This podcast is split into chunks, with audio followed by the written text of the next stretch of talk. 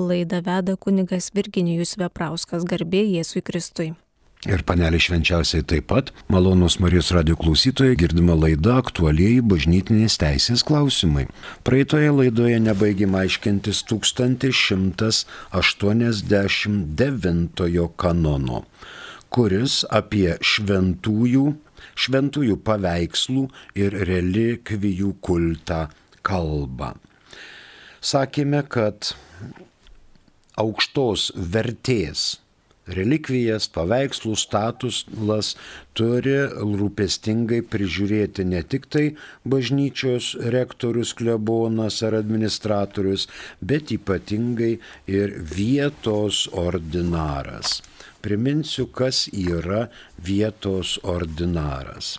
Be Romos popiežiaus ordinaru teisėje suprantami diecezniai vyskupai ir kiti, kurie nors ir laikinai vadovauja bet kuriai daliniai bažnyčiai ar jai prilygintai bendruomeniai, taip pat tie, kurie juose turi bendrąją ordinarinę vykdomąją galę. Būtent generaliniai ir vyskupo vikarai, taip pat savo nariams popiežinės teisės dvasininkų vienuolių institutų bei popiežinės teisės dvasininkų paštuliškojo gyvenimo draugijų, aukštesnieji vyresnieji, turintys bent ordinarinę vykdomąją galę. Taigi šie prižiūri šventus paveikslus, šventųjų atvaizdus ir relikvijas. Dar galime pasižiūrėti į 1220. Visi, kuriems priklauso, turi rūpintis, kad bažnyčiose būtų palaikoma Dievo namams pritinkanti švara ir grožis ir būtų pašalinta visa tai, kas svetima vietos šventumui. Antrasis paragrafas kad būtų apsaugotos šventos ir brangios gerybės, turi būti laikomasi įprastos saugojimo tvarkos ir tinkamų saugumo priemonių. Taigi jie stebi ir saugo visą turtą. Smulkiau turi būti pabrėžta ir aptarta vietos arba krašto vyskupų konferencijoje. Trečia mintis prie 1189. Atvaizdų, kurie pelnė tikinčiųjų pagarbą, neleidžiama alienuoti arba perkelti kitur be apaštalų sosto leidimo. Tik apaštalų sostas gali leisti perkelti arba alienuoti, išleisti iš bažnyčios kompetencijos ribų e, tokius paveikslus, statusas, statulas, relikvijas, kurios pelnė tikinčiųjų pagarbą. Dar galima pasiskaityti 1193 nuostatą reik, reikšmingų ir kitų labai pamaldžiai žmonių garbinamų relikvijų jokių būdų negalima galiojamai perleisti, nei visiems laikams perkelti be apaštalų sosto leidimo. Ši nuostata galioja ir paveikslams labai pamaldžiai žmonių gerbėmiems kokioje nors bažnyčioje dar 1292 kanonas. 1292 kanonas, antrasis paragrafas. Tačiau, jei čia apie sutartis ir ypač perleidimus. Tačiau jei kalbama apie daiktus, kurių vertė viršyje nustatyta didžiausia suma, arba apie įžadinius dovanojimus bažnyčiai, arba meninės ar istorinės vertybės, galiojančiam perleidimui dar reikalaujama šventojo sosto leidimo. Bažnyčioje nėra brangių gerybių, kurios matuojamos finansiškai, bet brangios gerybės yra suprantamos kaip pelniusios tikinčiųjų pamaldumą vertybės. Galima pasižiūrėti dar į 1270 kanoną. 1270 nekilnojamieji, vertingi, kilnojamieji daiktai tiek asmeninės, tiek daiktinės teisės ir ieškiniai priklausantys apaštalų sostui įsisenėja per šimtą metų, o priklausantys kitam viešajam bažnytiniam juridiniam asmeniui per 30 metų. Čia apie įsisenėjimą. Na ir dar galime pasižiūrėti į 638 kanoną. 638 kanonas. Trečias paragrafas. Perleidimo ar bet kokio kito juridinio sandorio, dėl kurio juridinio asmens turtinė situacija galėtų pablogėti galiojimui. Reikalingas kompetentingo vyresniojo, gavusio savos tarybos sutikimą, raštiškas leidimas. Tačiau, jei kalbama apie sandorį, viršijantį šventojo sostų atskiram regionui nustatytą sumą, ir įžadinius dovanojimus bažnyčiai, arba meninės ar istorinės vertybės, bet to dar reikalingas ir paties šventojo sosto leidimas. Tai tiek apie 1189 kanoną. Rytų apieigų kanonuose atitikmuo yra 887 antras paragrafas. 1189 fiksuojam. Jei kada nors vertingiems paveikslams, būtent įsiskiriantiems senumu, meniškumu ar kultu, išstatytiems tikinčiųjų gerbimui bažnyčiose ar oratoriumuose būtų reikalingas atnaujinimas, jie niekada negali būti restauruojami be raštiško ordinaro leidimo. Šis prieš jį išduodamas turi atsiklausti ekspertų. Kitas ir paskutinis kanonas apie šventųjų šventųjų paveikslų ir relikvijų kultą yra 1190. Trys paragrafai. Visiškai neleistina parduoti šventųjų relikvijų. Antras reikšmingų ir kitų labai pamaldžiai žmonių garbinamų relikvijų jokių būdų negalima galiojamai perleisti, nei visiems laikams perkelti be apaštalų sosto leidimo. Trečias. Ši nuostata galioja ir paveikslams, labai pamaldžiai žmonių gerbiamiems kokioje nors bažnyčioje. Na, relikvija. Relikvija pažodžiui tai yra tas, kas liko iš žemiškų šventojo palaikų - kūno ar kaulų dalelės. Platesnė prasme relikvija - tai naudoti šventojo daiktai. Iš tokių pirminių relikvijų, kur lieka, išlieka kūnas, tai mes žinome šventąjį Polikarpą iš 156 metų, šventąjį Kiprijoną 258 metai ir taip toliau. Dar plačia prasme, tai yra relikvija turėtas fizinis kontaktas to šventojo su atitinkamu daiktų.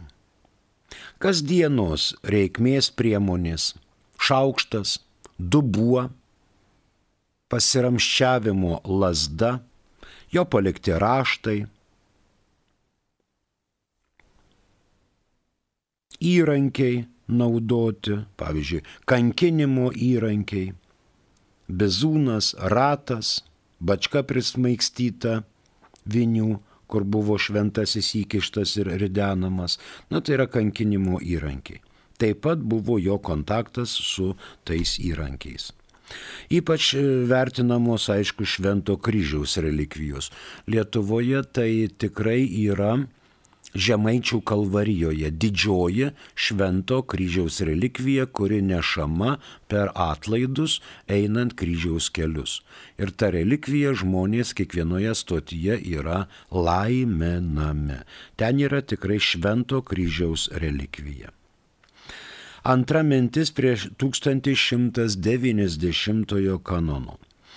Bažnyčia neįsakė niekada gerbti relikvijų, bet niekada ir nedraudė.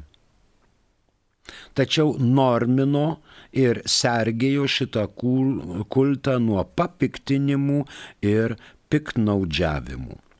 17 metų kanonų teisės kodekse tą normino 1255 kanonas. E, ant dabar ant altoriaus nededamos jokios relikvijos, nes altorius yra skirtas Euharistijai.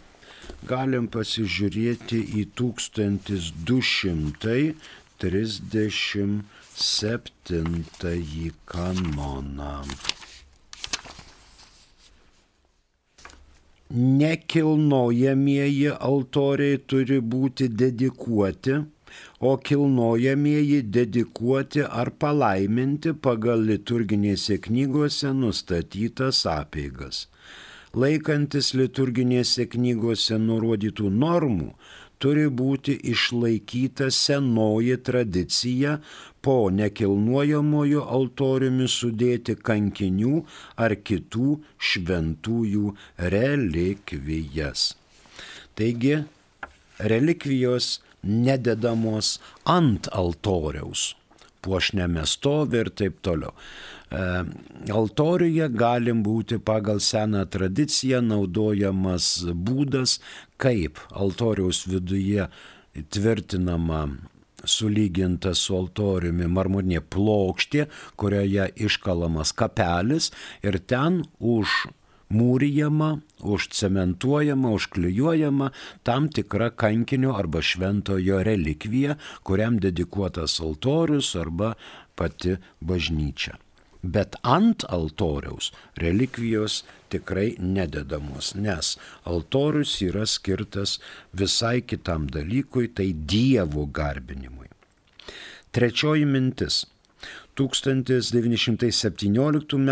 kanonų teisės kodekse smulkiau reglamentavo tuos dalykus nuo 1281 iki 1289 kanono. Dabar 83 metų kodekse liečiantis relikvijas kanonai yra du. 1190, kurį mes dabar nagrinėjame, ir dar 1237, kurį neseniai girdėjote. 1237 apie nekilnojamus altorius ir apie šventųjų relikvijas. Dabar daugiau medžiagos apie relikvijas ir liturgiją galima rasti ne teisės kodekse, bet liturginėje teisėje, betifikacinėje teisėje ir kanonizaciniuose procesuose. Pavyzdžiui, dėl ekshumacijos ir Dievo tarno apžiūros. Vyskupas gali laikyti atskiras palaimintojo ar šventojo kūno dalis ateičiai. Pavyzdžiui, pirštą, pavyzdžiui, plaštaką, pavyzdžiui, šlaunies kaulą ir taip toliau. Tai bet jeigu kūnas yra vientisas, vyskupas neturi teisės šito kūno dalinti. Vis kūnas šventojo arba palaimintojo turi būti nedalomas. Bet jeigu ekshumavus ten jau subirėjo vos ne iki dulkių, galima uh, atskirą detalę paimti, ar ranką, ar dar ko nors, tada galima jau dalinti. E, Mūsų pasiekė esame žinutė, prašom. Garbėjusui Kristui, su kuo turi būti suderinta, norint restauruoti altorių. Ar gali klebonas parduoti ar mainyti žvakides? Žinot, klausimas atviras. Kokį altorių norint restauruoti? Ar tą iš 17 amžiaus, ar tą pagamintą prieš 20 metų? Yra skirtumas. Ir reikia dar žinoti, ką jūs galvojate, ką jūs laikote altoriumi, ar tą antependiumą, ar tą priestatą, ar patį stalą. Visi klausimai derinami su vyskupu. Vyskupas vykdo vizitacijas ir žinoma aptarė su klebonu, kokia ateitis laukia bažnyčios, parapijos ir jų tų dalykų. Jeigu bažnyčia sudegė ir altorius apdegė, savaime suprantama, kad jis restauruojamas aukštam idėjiniam meniniam lygiai su specialistais. Bet jeigu jisai sudegė, tai gal yra noras, pavyzdžiui, atgaivinti tokį, koks buvo, arba padaryti naują altorių tie dalykai iš tikrųjų derinami ne tik su dekanu, bet ir su vyskupu. Dabar ar gali klebonas parduoti ar mainyti žvakides, tai manau, kad ir žvakidės, ir kiti rakandai, kaip skambučiai, kaip ampulės vynui, vandeniui, kaip žvakidės, kaip patenos priklauso ne klebonui, bet bažnyčiai. Jeigu tiek susidėvi tie daiktai, kad negalima jų naudoti, jis dedami daiktai į archyvą. Ir įsigijami nauji. Nes gali klebonui atrodyti, kad čia sena kiužena, čia skardelės kažkokios, o atvažiuos kultūros paveldas, sakys, dievuliau, dievuliau, čia 17 amžius, ką tu savo klebonė galvoji su pardavimais ir su mainymais ir su įkeitimais. Visi šitie dalykai turi labai būti jautriai aptariami. Čia yra bažnyčios turtas, bet ne klebonų klebonas tik tai administruoja. Prašom kitas klausimas. Garbėzui Kristui, kaip ir iš kur atėjo praktika bažnyčiose ore, ne ant sienos iškabinti Kristų ant kryžiaus, ar tame negali būti abejonės? Dėkuoju už atsakymą, Rima. Rima, man atrodo, čia atėjo į pagalbą mums surrealistas Salvadoras Daly kuris meninę priemonę nukryžiuotą jį su kryžiumi tiesiog išleido iš dangaus. Jis kabo, jis nepritvirtintas nei lynais, nei trosais, nei vienimis prie sienos. Jis pademonstruotas toks kabantis. Ten apačioje visokie valtelės yra ir taip toliau. Tai tada pradėjo kunigėliai eksperimentuoti ir viena kita bažnyčia Lietuvoje matoma kaip kryžius išleistas ant trosų iš lubų ir atitinkamame aukštyje virš altoriaus.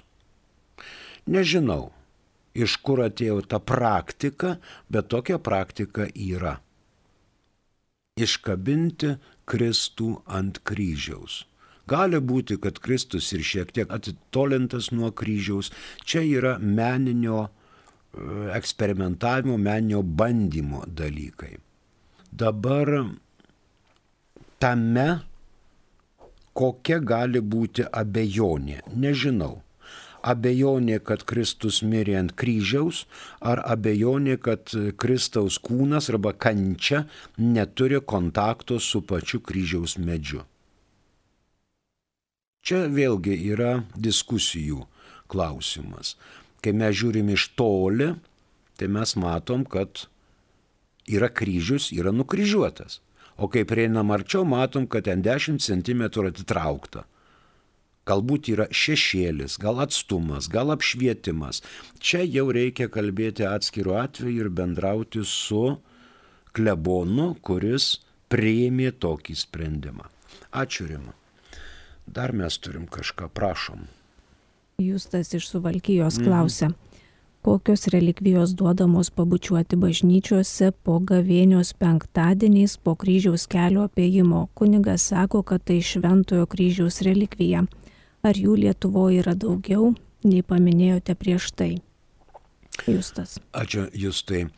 Matot, dabar anksčiau, anksčiau tai buvo daug kas. Buvo bažnyčiose tokia blinelė, žinot, prie įėjimo. Už pabučiavimą blinelio 300 dienų atlaidų. 500 dienų atlaidų. Va, ir tie blineliai dar yra išlikę. Tada jie galiojo, bet dabar jų galiojimas atšauktas. Tai yra vien tik tai istorinė atmintis. Bet visi einam ir matom, kad va už to blinelio žalvarinio pabučiavimą jis apdėtas atlaidais buvo 300 atlaid, dienų atlaidų už pabučiavimą. Pamaldų, reiškia, sutikėjimu, atlikus išpažinti, prieimus komuniją ir taip toliau. Tai buvo. Dabar to nėra. Dabar su relikvijomis. Relikvijų bent keletas yra, manau, Lietuvoje. Bet kiti dalykai yra, galbūt tie medžio gabalėliai tik tai buvo palietę tą tikrąją relikviją. Tarkim, kryžiaus didžioji relikvija Žemaičių kalvarijoje jinai atidaroma ir prie jos medžio gabaliukas pridedamas. Ir tas medžio kabaliukas įtaisomas relikvijoriuje ir pastatomas kitoj bažnyčioj. Ir tai skaitoma trečio laipsnio relikvija, turėjusi kontaktą su tikraja kryžiaus relikvija. Ir žmonės per gavėnę bučiuoja Dabar tai sėda ir nušvilpia į tą žemaičių kalvariją. O tada nebuvo galima pasiekti. Buvo džiaugiamasi, kad pasiekė tik tai savo parapinę bažnyčią. Ir per gavėnę penktadieniais taip duodama bučiuoti. Jeigu neturi kryžiaus relikvijos, bučiuojama Teresėrės relikvija, Švento Kazimiero relikvija ir dar visa daugybė kitų relikvijų. O kiek aš žinau, tai Žemaičių kalvarijoje, nežinau, gal dar yra, tarkim, Vilniuje Jeruzalėje gali būti, bet jau čia klebonai turi pasakyti, ar tai pirmo laipsnio religija, ar tai trečio laipsnio religija. O apie daugiau nedrįstų kalbėti, nes Justinai tikrai nežinau. Dar vienas klausimas, prašom. Jei žmogus priemės tik civilinę santuoką, bet ne bažnytinę, tai kur čia paleistuvystė? Kodėl kunigai primiktinai reikalauja šliubo, nes kitaip bus ištvirkavimas. Komplikuotas jūsų klausimas. Žiūrėkit. Jei žmogus prieėmęs tik civilinę santuoką, bet bažnytinės neprieėmęs, tai žmogus gyvena su savo sutuoktinė ar negyvena. Jeigu sutuoktinė mirusi, jokios paleistuvystės nėra. Bet jeigu su tuoktinė, su kuria vyras gyvena, kaip vyras su moterimi, tai jau yra aiški paleistų vystė ir žmonių piktinimas, nes šita santuoka yra be bažnyčios palaiminimo. Tai yra šeima, bet ne santuokinis palaiminimas. Gal šita santoka jau buvo širusi, dar kita sudaryta ir taip toliau. Bažnyčia pasisako už vieno vyro ir vienos moters sakramentinę santuoką. Tik tada yra malonė, o kitaip yra paleistuvystė. Kunigai primiktinai reikalauja taip vadinamo šliūbo, nes kitaip bus ištvirkavimas. Taip žinoma. Bet jeigu vyras ir moteris yra tiek garbingo amžiaus, kad juos tas bendras patalas arba bendra lova nejungia, jungia vien tik tai parduotuvė, stalas ir, ir tokie panašus dalykai, tada paleistuvavimo nėra, tada galima eiti prie šventos išpažinties ir komunijos ir tada paleistuvavimo nebus bet jūs turite dar puikiai žinoti, kad nors ir prieimę civilinę santuoką, nors ir gyvena paleistuvystėje, jeigu artėja mirties pavojus, bet kuris kunigas jums duos išrišimą ir sutaikys su Dievu ir su bažnyčia. Ir kunigo šauktis prieš mirtį privalu, nežiūrint, kad jūs gyvenate be šliūbo, be santokos, be bažnytinio palaiminimo, bet jeigu yra mirties pavojus, jūs privalote šauktis kunigo, kuris jums dievų vardu atleis nuodėmės. Aš tave išrišu iš tavo nuodėmių, taria kunigas ir duoda išrišimą. Ir šitas išrišimas galioja ne tik žemėje, bet ir danguje. Ir duoda patepimą jums atleidžia net ir užmirštas nuodėmės ir dėl Dievo gailestingumo jūs tikrai nepražūsite. Tai va visi, kurie gyvenam tokiuose abejotinuose dalykuose, kai artėja mirtis, reikia pasakyti giminaičiams, kaimynams, kad dėrėtų priimti viatiką išpažinti šventą komuniją ir patepimą, jeigu tai yra įmanoma.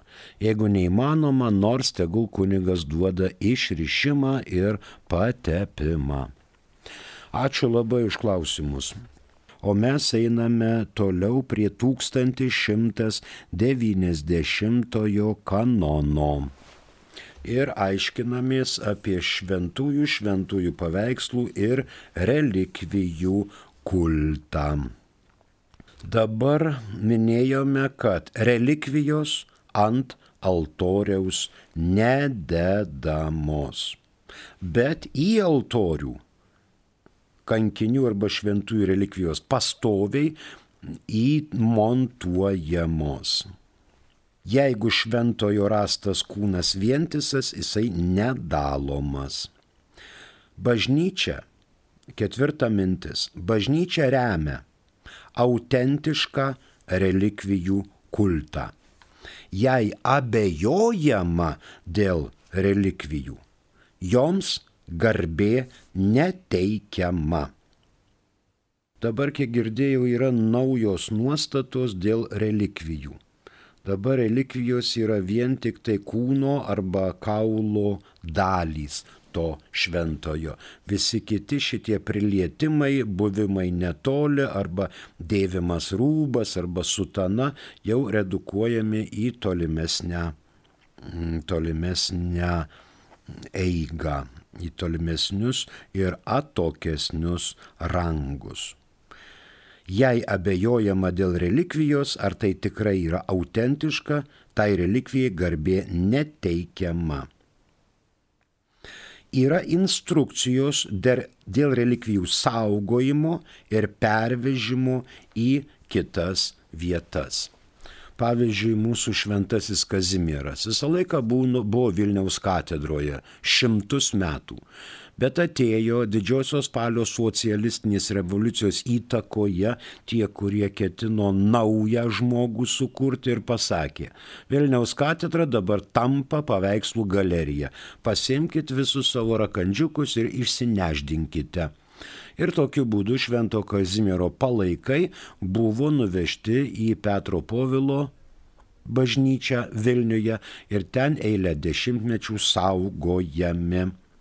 O kai atėjo vėl geri laikai, kai bažnyčia atgavo savo arkikatedrą baziliką, tada Šventojo Kazimiero karstas sidabrinis buvo atvežtas į buvusią vietą, į Vilniaus arkikatedrą baziliką. Tai vėl grįžo šventasis į savo vietą. Mums paskambino, prašom. Klausytojas Albinas. Klausom jūsų.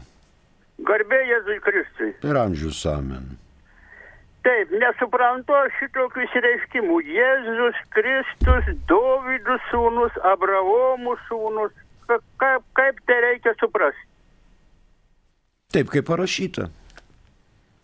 Dovydo Nu, sūnus, Abraomo sūnus. smegenims nedaina šitas. Ma- Jėzus Kristus yra Dievo sūnus. Tai iš dievystės.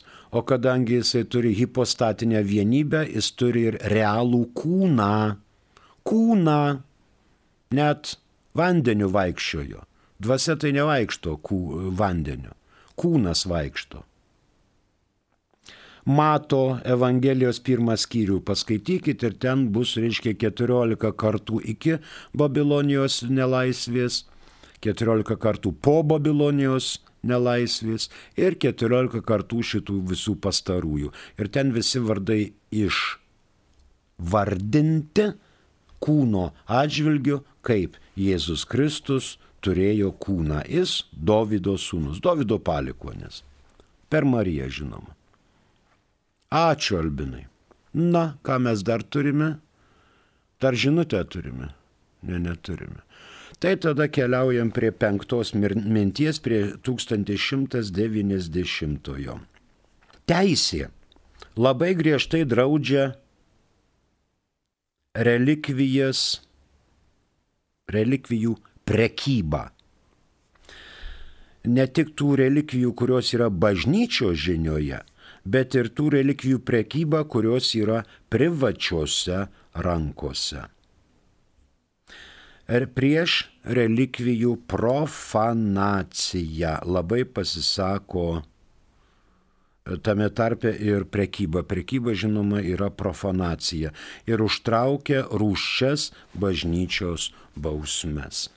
E, Mums dar paskambino, prašom. Klausytoja Gidija. Tai klausom.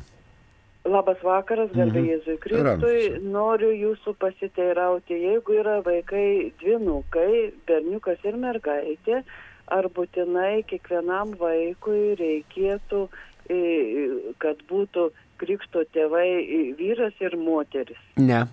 Tikrai ne. Abiem vaikam, ponė Gidija, jūs galite paimti vieną vienintelį asmenį. Ar tai moterį, ar tai vyrą. Lytis neturi reikšmės. Pagal seną tradiciją mes tik turime du krikšto tėvus. Bet bažnytinė teisė to neįsako. Užtenka vieno krikšto tėvo arba vienos krikšto motinos ir to paties asmens abiem jūsų krikštijamiems vaikams. Pilnai pakanka. E, Daugiau galiu pasakyti, kad net visa eilė vyskupijų Italijoje kaip eksperimentą atsisakė krikštatėvių. Kokiam trim metam. Nes, matot, krikštas tai daugiau yra sakramentas, o pagal seną tradiciją ten dovanojami laikrodukai, dviratukai, mašinytės nameliai krikštiemiesiems ir tai jau tampa nebe krikščioniška viltis, ugdymas ir auklėjimas, bet tai yra faktiškai šeimo šventė. Tai viskupai sakė, eksperimento tvarka mes krikštysim vaikus be krikštatėvių, vien tik tai tėvam prašant. Tėvai turi būti paruošiami šitam reikalui. Paruošiami šitam reikalui, bet tai yra Italijoje. Lietuvoje dar, taip sakant, tas dievas negimė, dar mūsų viskupai mm, laikosi tradicijų ir reikalauja bent vieno krikštatėvio. Ačiū, Gidija. Mums dar paskambino, prašom. Klausytojas Renaldas. Klausom jūsų. Renaldai, per amžius. E, žiūrėkit, aš turiu du klausimus. Pirmas klausimas, tai kai iš tikrųjų, aišku, mes esam prima, e, pripratę sveikintis e, garbėjai Jėzui Kristai, bet teko vas girdėti, kitą kartą vas kunigas ateina ir sako sveiki. Gal čia iš tikrųjų viskas yra tvarkoje, gal čia e, galima ir taip sveikintis, tarkim, su kunigais, su, su vienuoliais, ar, ar, ar, ar čia, jeigu taip pasisveikysim, pirmi patys sveiki, ar nepasirodysim tokie, kaip ne visai katalikai nutolę, tai pirmas, pirmas dalykas. Antras dalykas, šiaip iš tikrųjų labai norėtųsi sužinoti ir, ir daugiau tokių visokių pasveikinimų, kaip anksčiau būdavo e, e, kaimuose dirba žmonės ir eina, sako, padėk Dievę, kas jau šiai dienai labai yra pamiršta, gal yra daugiau tokių visokių pavyzdžių, gal galėtumėt paminėti. O antras klausimas būtų toks, kad neseniai lankiausi Kijeve, yra labai didelis vienuolynas, e, ten tiesa pravoslavų vienuolynas, bet yra e, pišėrai e, rusiškai, tai kur, kur yra palaidoti vienuoliai nuo, berots nuo 11 amžiaus e, tuose po, po žemė, tokiuose tuneliuose ir ten yra jų karstai ir vienuoliai eina patys, šitie ne vienuoliai, o E, pravoslavai eina, sustoja prie kiekvieno e, karsto, pabučiuoja, pasimeldžia. E, kaip tokiu atveju turėtumėm mes kaip katalikai elgtis, kaip galėtumėm ir kaip turėtumėm elgtis. Aišku, aš tiesiog kaip pro muziejų praėjau, aišku, su tam tikra pra, pagarba, bet, bet gal galėtumėt patarti, kaip reiktų elgtis. Ačiū. Ačiū. Mūsų laikas kaip ir išseko. Taip, viena minutė liko. Dabar, žinot, žmogus dirba, O Tūlas Renaldas eina ir sako, padėk Dievę. Žmogus gali atšauti, eik paprasčiausiai, arba geriau pats padėtum, čia nesityčiojas. Tai vienas dalykas reikia žiūrėti, kaip mes sakom, ką mes sakom. Jeigu mes sakom kunigui vienuoliui sveiki, čia nėra nieko blogo. Ypatingai jeigu Maksimoj surandame, reiškia, žiūrim, kad e, gerbimas klebonas ten ties bakalėje prisidėjęs avoską visokių, reiškia, stiklinių tarų nešėsi, tai pasakysi garbėjai Kristui, tai net pašoks operatorė ir visa eilė sužiurs, kur čia tas, reiškia, kas čia per net krikščionis, matai, atsirado, ką iš čia perka, kas jis kunigas ar vienuolis ar vienuoliai ir panašiai. Todėl reikia žiūrėti visuomet į m, tuos visus dalykus. Arba palangoje kunigas atvažiavo su vaikų dienos centru, o čia, reiškia, garbė Jėzui Kristui. Yeah. Na ir tada pasiima, tada pusė paplūdimio žiūri, kuris čia tas, kuris jau taip į sveikinimus atsako. Tai vėlgi čia labai priklauso nuo dalykų, bet pasveikinti katalikų katekizme parašyta ypatingai paltaroko katekizme, kad sveikinamasi garbė Jėzui Kristui, jeigu dirbama, tai padėk Dievę, atsisveikinama su Dievu ir panašiai. Dabar mes jau turbūt įlindom į visai kitą laiką. Matau, kad dar Renaldai yra du klausimai neatsakyti. Kitoj laidoj šnekėsim apie Kijevos Pečorskąją lavrą ir apie ten esančius šventuosius. Su jumis atsisveikinu, ačiū už jums skirtą laiką ir už klausimus. Prie mikrofono dirbo kunigas Virginijus Veprauskas, ačiū ir sudė.